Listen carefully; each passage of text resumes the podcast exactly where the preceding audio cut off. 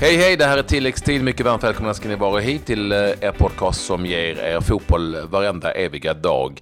Så även i dessa tider när det är lite julledigt för många. Då är vi igång, jag och Claes. Nu har vi snart kört i, vad blir det, på åtta månader va?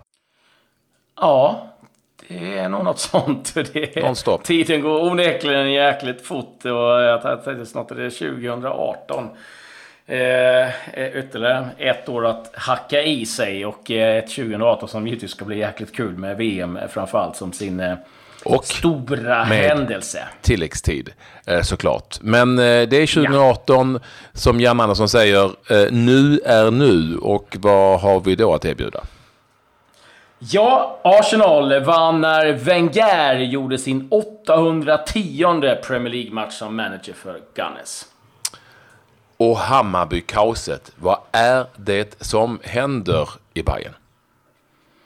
Och så får vi höra lite inside ifrån Johan Mjällby som tränade Virgil van Dijk, Liverpools nyförvärv. Vad vill du att vi ska börja? Ja, vi börjar väl eh, på Sellers Park tycker jag, där Crystal Palace tog emot eh, Arsenal. Två gamla ärrade, rutinerade tränare. Roy Hodgson mot eh, Arsene Wenger. Wenger som vi var inne på igår. Eh, tangera Sir Alex Ferguson med sin 810 Premier League-match. Och det blev seger för Arsenal. Det satt ganska hårt då till slut i en eh, ganska eh, härlig match där eh, Mustafa gjorde mål, sen var det Townsend som kvitterade. Två mål ifrån Sanchez och sen var det Tomkins som reducerade i 89 minuten. Men en ny seger för Arsenal, viktig sådan. Och eh, på pluskontot rejält skulle jag vilja säga för Arsenal, det är att Eh, Jack Wilshere ser bättre och bättre ut. En eh, stor talang som har haft eh, galet mycket skador, men eh, ser ut att eh, hitta tillbaka igen. Och det är ju som ett eh, riktigt nyförvärv det för, för Arsenal faktiskt. Mm.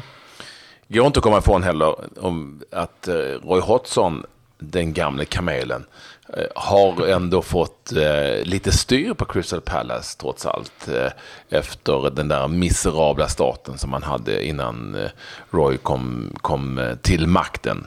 Eh, nu var det ju så att, eh, klart att Arsenal var det bästa laget som väntat här, men han är ändå där och skakar dem lite grann, de lite större. Tidigare gjorde de, ju- vad var det, noll mål på fyra matcher eller sånt där inledde de med va?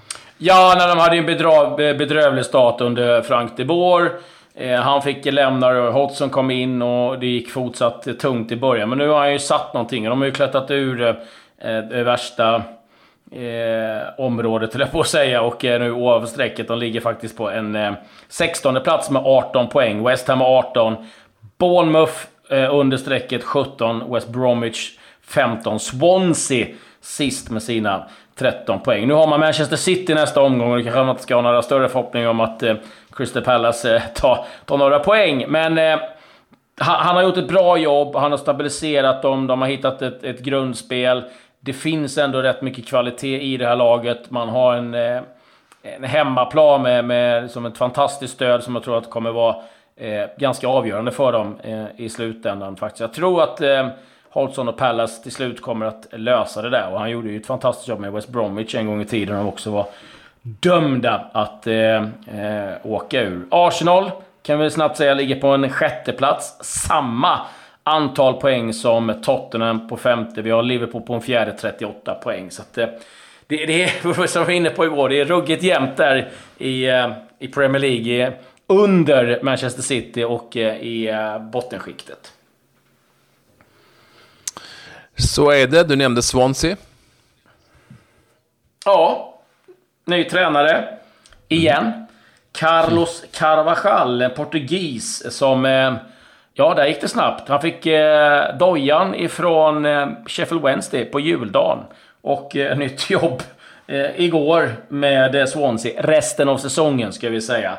Eh, där ska det finnas en option att om han eh, ser till att Swansea hänger kvar så får han vara kvar. Men de flesta tror att om de skulle faktiskt klara sig så blir det Roberto Martinez som kommer komma tillbaka till Swansea, just nu belgisk förbundskapten. Men eh, nej, alltså från att ha varit eh, liksom en, en modell för hur man bygger en klubb, hur man jobba med spelare, hur man köper in, hur man liksom har en... Så här vill vi att vårt lag ska spela. Så, så har det liksom fallerat fullständigt med mängder av tränarbyten, eh, konstiga eh, tränare som har tagits in av eh, amerikanska ägare.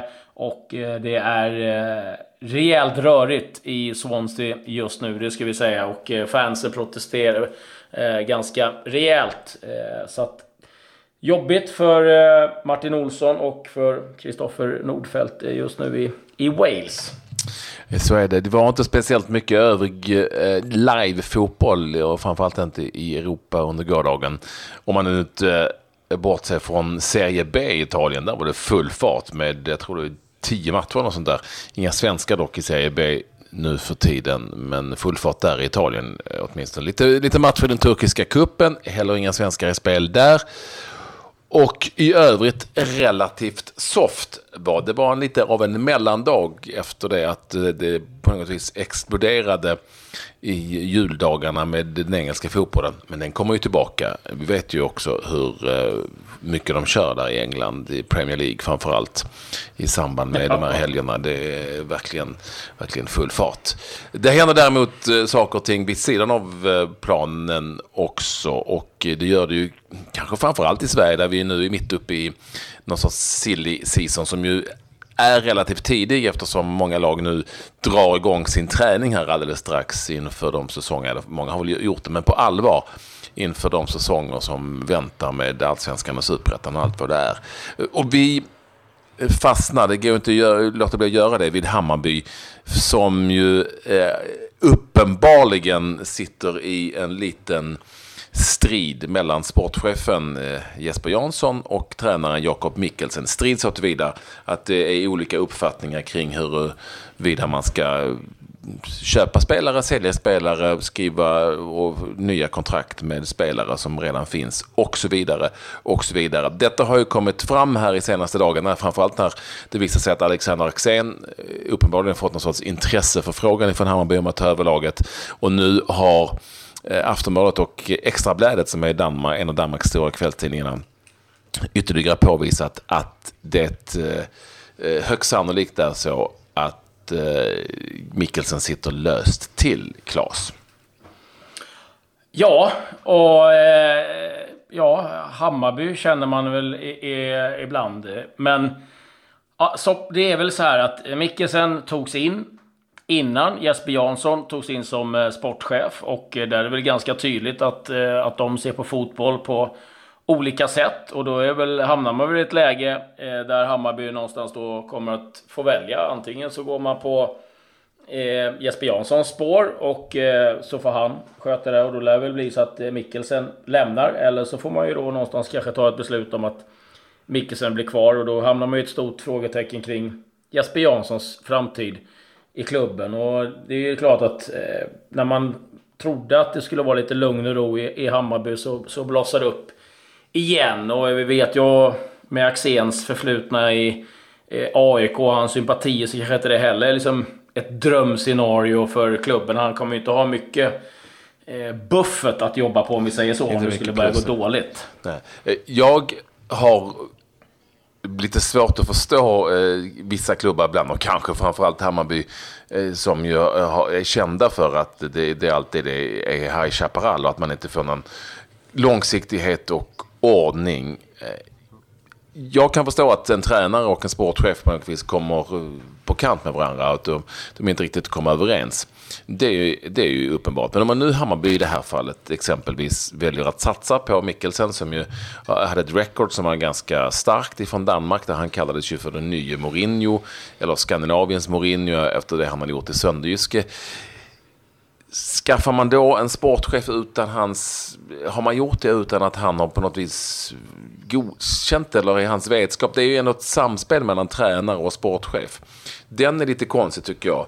Även om de kanske kom på kant med varandra ändå. Det kanske de kunde ha gjort. Men allt, det pratas ju alltid om lång, väljer... men, nej, men det pratas ju alltid om långsiktighet och, eh, och så. Och då får man väl jobba ut efter det och ge sportchef eller tränare en chans. Men framförallt göra det tillsammans, annars är det ju svårt med långsiktighet. Så är det. Sen är det väl så att det har ju varit... Eh, ja, med lite andra eh, liksom förändringar i ledningen. Och det är klart att de kanske inte ringer till Mickelsen och frågar vilken sportchef han vill ha. Eh, Men ska man inte göra det? det som om man, alltså ska man inte göra det? Med en, till en tränare som ändå ska jobba Nej, ihop med alltså jag tycker, jag tycker inte det. Eh, där tycker jag att klubben måste ta ett beslut om vem vill att du ska ha eh, men de ska ju jobba så tätt. För den brukar ju vara lite mer långsiktig. Att man liksom eh, har en sportchef och sen så har man en tränare som kanske liksom är ett par år och sen så byter man tränare. Men att man har en som sportchef eller sportledning då som är eh, i, i ett längre perspektiv. Det är som så många klubbar jobbar. I England har man ju kört managerstuket. Eh, eller vissa klubbar gör det fortfarande. Och, och då, då ändras ju om allt om. Då kan det liksom filosofi och, och, rubb och stubb, att man får börja om hela tiden. Och nu har ju Hammarby varit där lite grann. Att man hamnar i ett läge där man liksom, kanske då med Mickelsen vill spela en typ av fotboll. Och jag antar då att Jesper Jansson eh, eh, vill se en annan typ av fotboll. Och då hamnar man ju i en där, liksom, ja, men, Jesper Jansson ska ta in spelare. Ja, men jag, fatt, jag fattar, och det är det jag säger. Idag, det är det jag säger. Jag och då måste att... ju liksom, ja men då blir det ju liksom att, då måste ju... Då får man ju bestämma sig. Antingen bestämmer tränaren eller så bestämmer ja. sportchefen. Och om man och då... då men, jag, men, Klas, min personliga åsikt är att då tycker jag att sportchefen bestämmer. Men om man då redan... Så här. Eh, jag säger inte att någon har gjort rätt eller fel, för jag har ingen aning. Men om man nu redan har en tränare som man har anlitat på x antal år, men inte har en sportchef.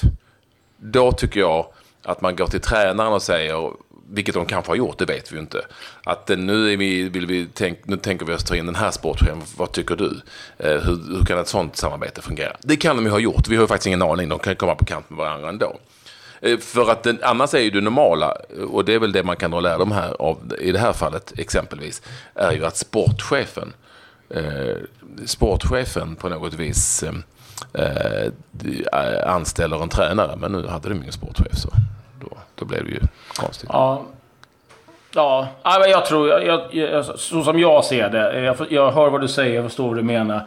Men det är ändå liksom att klubben måste ju bestämma någonstans vilken inriktning vill vi gå. Eh, ja men säg att de hade liksom, ja men Nanne ska ta in sportchef. Och det vilket han gjorde då med Jingblad. Och sen så kommer, ja och det funkar ju sisådär. Mm kan man väl kanske med... Ja, äh, vi kan ju sitta och säga om det där hur länge som helst. Det är så här, men uppenbart är att de måste ju kunna arbeta tillsammans. Och nu verkar det som att det skaver rätt rejält. Det är möjligt att de kan lösa det, det här på, på något sätt och hitta någon, någon mellanväg. Men eh, ja, återigen så har man ju hamnat i ett eh, problematiskt läge. Så är det ju. Mm. Vi lämnar det där. Vi kommer inte lösa det. Tror jag. Nej, vi får hoppas att Hammarby kan lösa det. Det, det är väl där vi hamnar. Eh, ja, en annan eh, klubb som har det också lite svettigt. I, i lite, i, ja, inte samma sits, men eh, det är ju Dalkurd. Som just nu sitter med två tränare. De eh, tog in Asrudin Valentic från eh, BP som ny tränare. Andreas Brännström var ju väldigt nära IFK Göteborg. Blev ingenting med IFK Göteborg och eh, står då helt plötsligt med två tränare. Och nu håller man då på att förhandla med eh, Brännström att avsluta hans kontrakt. Och ja, det är också en märklig soppa någonstans som eh, blev... För att det kändes som att IFK Göteborg ville ha Brännström. Men gjorde en liten U-sväng där och tog Poja och då stod Brännström där. Eh, ja, lite eh, lurad kan jag väl känna. Mm. Eh, I uh, IFK Göteborg har man uh, gjort klart med eh, costarikanen Ian Smith, 20 år gammal, som ju tidigare var en kort sväng i Hammarby men återvände till Costa Rica. Ytterback, högerback tror jag han är. Som har tillhört Eh, det, det, kan ju du, det är din liga där. Nej, det är inte alls. Det är Bolivia som är din liga. Santos FC i Costa Rica. Men, men nu är, sägs vara på väg till IFK Norrköping, ytterbacken Ian Smith. Ja, det enda laget i Costa Rica det är Saprissa, för de kommenterade några gånger i klubbloggs-VM för många herrans år sedan. Men eh, en som har varit i nästan alla klubbar i hela världen känns det som, det är ju Freddie Adu. Och eh, nu eh, ryktas att han eventuellt kan hamna i Oskarshamns AIK. Det var kanske inte riktigt där han drömde om att han skulle sluta. Ja, Sen det även finnas en del su- su- superettan-klubbar som eh, är, kan vara intresserade. Vi får se vad, vad det blir utav det där. Emil Kraft är eh, också ryktenas man. Har ju haft lite eh, svårt med speltid den senaste tiden i Bologna. Filip Helander spelar i stort sett eh, hela tiden. Ordinarie mittback. Men på högerbacksidan så har Donadoni valt en annan och nu ryktas han att han kan vara på väg till Köln eller Augsburg i Bundesliga. Och det är ju inget dumt steg. kanske. Nej, det är det ju inte. Jag hoppas att det var spel till Emil Kraft som jag har ett VM-slutspel att eh, ha en plats i den truppen att, att kämpa om. Eh, Ja, du har pratat med eh, Johan Mjällby. Vi nämnde ju det i inledningen. Ja, han eh, var ju faktiskt med och eh, scoutade fram eh, Virgil van Dijk från Groningen som eh, då Celtic eh, värvade honom ifrån. Och jobbade med honom i, i två år. Och eh, jag ringde upp Johan. Vi har ett specialprogram eh, lite längre, men vi kan lyssna på lite delar utav det. Vad han själv säger om Virgil van Dijk och hans eh, egenskaper. Eh, nej, eh, Virgil redan då eh, stod ju ut eh, med eh, en väldigt bollskicklig, passningsskicklig försvarsspelare så, och eh, som är snabb trots sin storlek. Eh, det är ändå en, en storvuxen spelare eh, som har naturligt fysiken med, även om det inte är fysiken han i, i första hand använder utan han är en, en bollspelare. Väldigt skicklig med bägge fötter, väldigt skicklig passspelare och eh, även en, en skicklig frisparksskytt. Eh, det han eh, säkerligen har utvecklat är ju sitt ledarskap. Han var ju fortfarande ung på den tiden när vi tog in Virgil. Eh, och man ser ju nu när han även naturligtvis med, med rutin och erfarenhet han har fått med holländska landslaget att han, han är en stor ledare även på planen. Eh, relativt animerad och, och verbal eh, på planen. Det han eh, åtminstone hade som svaghet eh, och just som jag tycker han även kan fortsätta utveckla är väl eh, eh, huvudspelet offensivt. Eh, han bör vara ett än mer större hot eh, än vad han är på, på fasta situationer, eh, framförallt offensivt. Eh, även om han naturligtvis oftast blir markerad av en, en av motståndarnas bättre eh, markeringsspelare eh, så, så tycker jag ändå att han ska eh, kunna eh, göra faktiskt mera mål framåt också. Men eh, det är redan då en väldigt lovande, eh, talangfull försvarsspelare som vi visste tidigt eh, skulle gå eh, betydligt högre upp i, i i systemet i, i fotbollsvärlden än, än, än Celtic, även om Celtic är en stor klubb. Eh, ja, eh, alltid kul att höra eh, någon som verkligen kan spelaren. Och eh, vi kan bara säga det snabbt också innan vi avslutar. Att Southampton har ju lite pengar som brinner i fickan just nu. Theo Walcott, Daniel Sturridge, Alfie Mawson och Ryan Sessignon eh, sägs nu finnas på deras eh, lista. Och nu vet alla att de har 75 miljoner pund att, att spendera. Så de lär också bli varse om att det blir lite dyrare än det har varit tidigare. Så är det. Tack för att ni vill vara med oss eh, den här dagen. Vi hörs igen snart igen, som alltid med tilläggstid.